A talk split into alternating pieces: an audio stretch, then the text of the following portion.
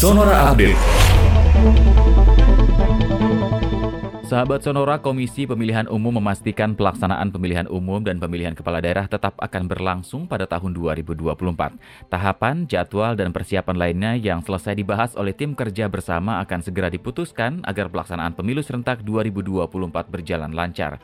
Ketua Komisi Pemilihan Umum Ilham Saputra menegaskan tidak ada pengunduran jadwal pemilihan umum dan pemilihan kepala daerah tahun 2024 yang diisukan diundur menjadi 2027. Bahkan persiapan menuju pemilu serentak 2024 telah dilakukan bersama dengan pemangku kepentingan lainnya.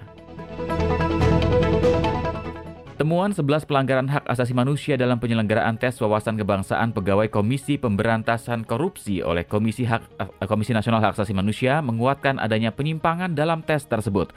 Komnas HAM menilai hal tersebut semakin menguatkan pula dasar bagi Presiden Joko Widodo untuk mengambil alih proses peralihan status pegawai KPK menjadi aparatur sipil negara sekaligus mengakhiri polemik kepegawaian KPK yang sudah berlangsung berbulan-bulan.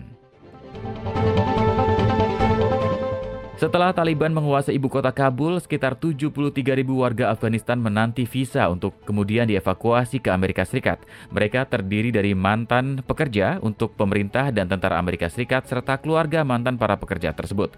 Surat kabar Washington Post dan NPR dalam laporan kemarin menyebut ada 20 ribu warga Afghanistan yang pernah bekerja bagi pasukan dan pemerintah Amerika Serikat. Para pekerja itu punya total 53 ribu anggota keluarga dan selama operasi Amerika Serikat, mereka terutama menjadi penerjemah penerjemah dan pengemudi. Demikian Sonora Update.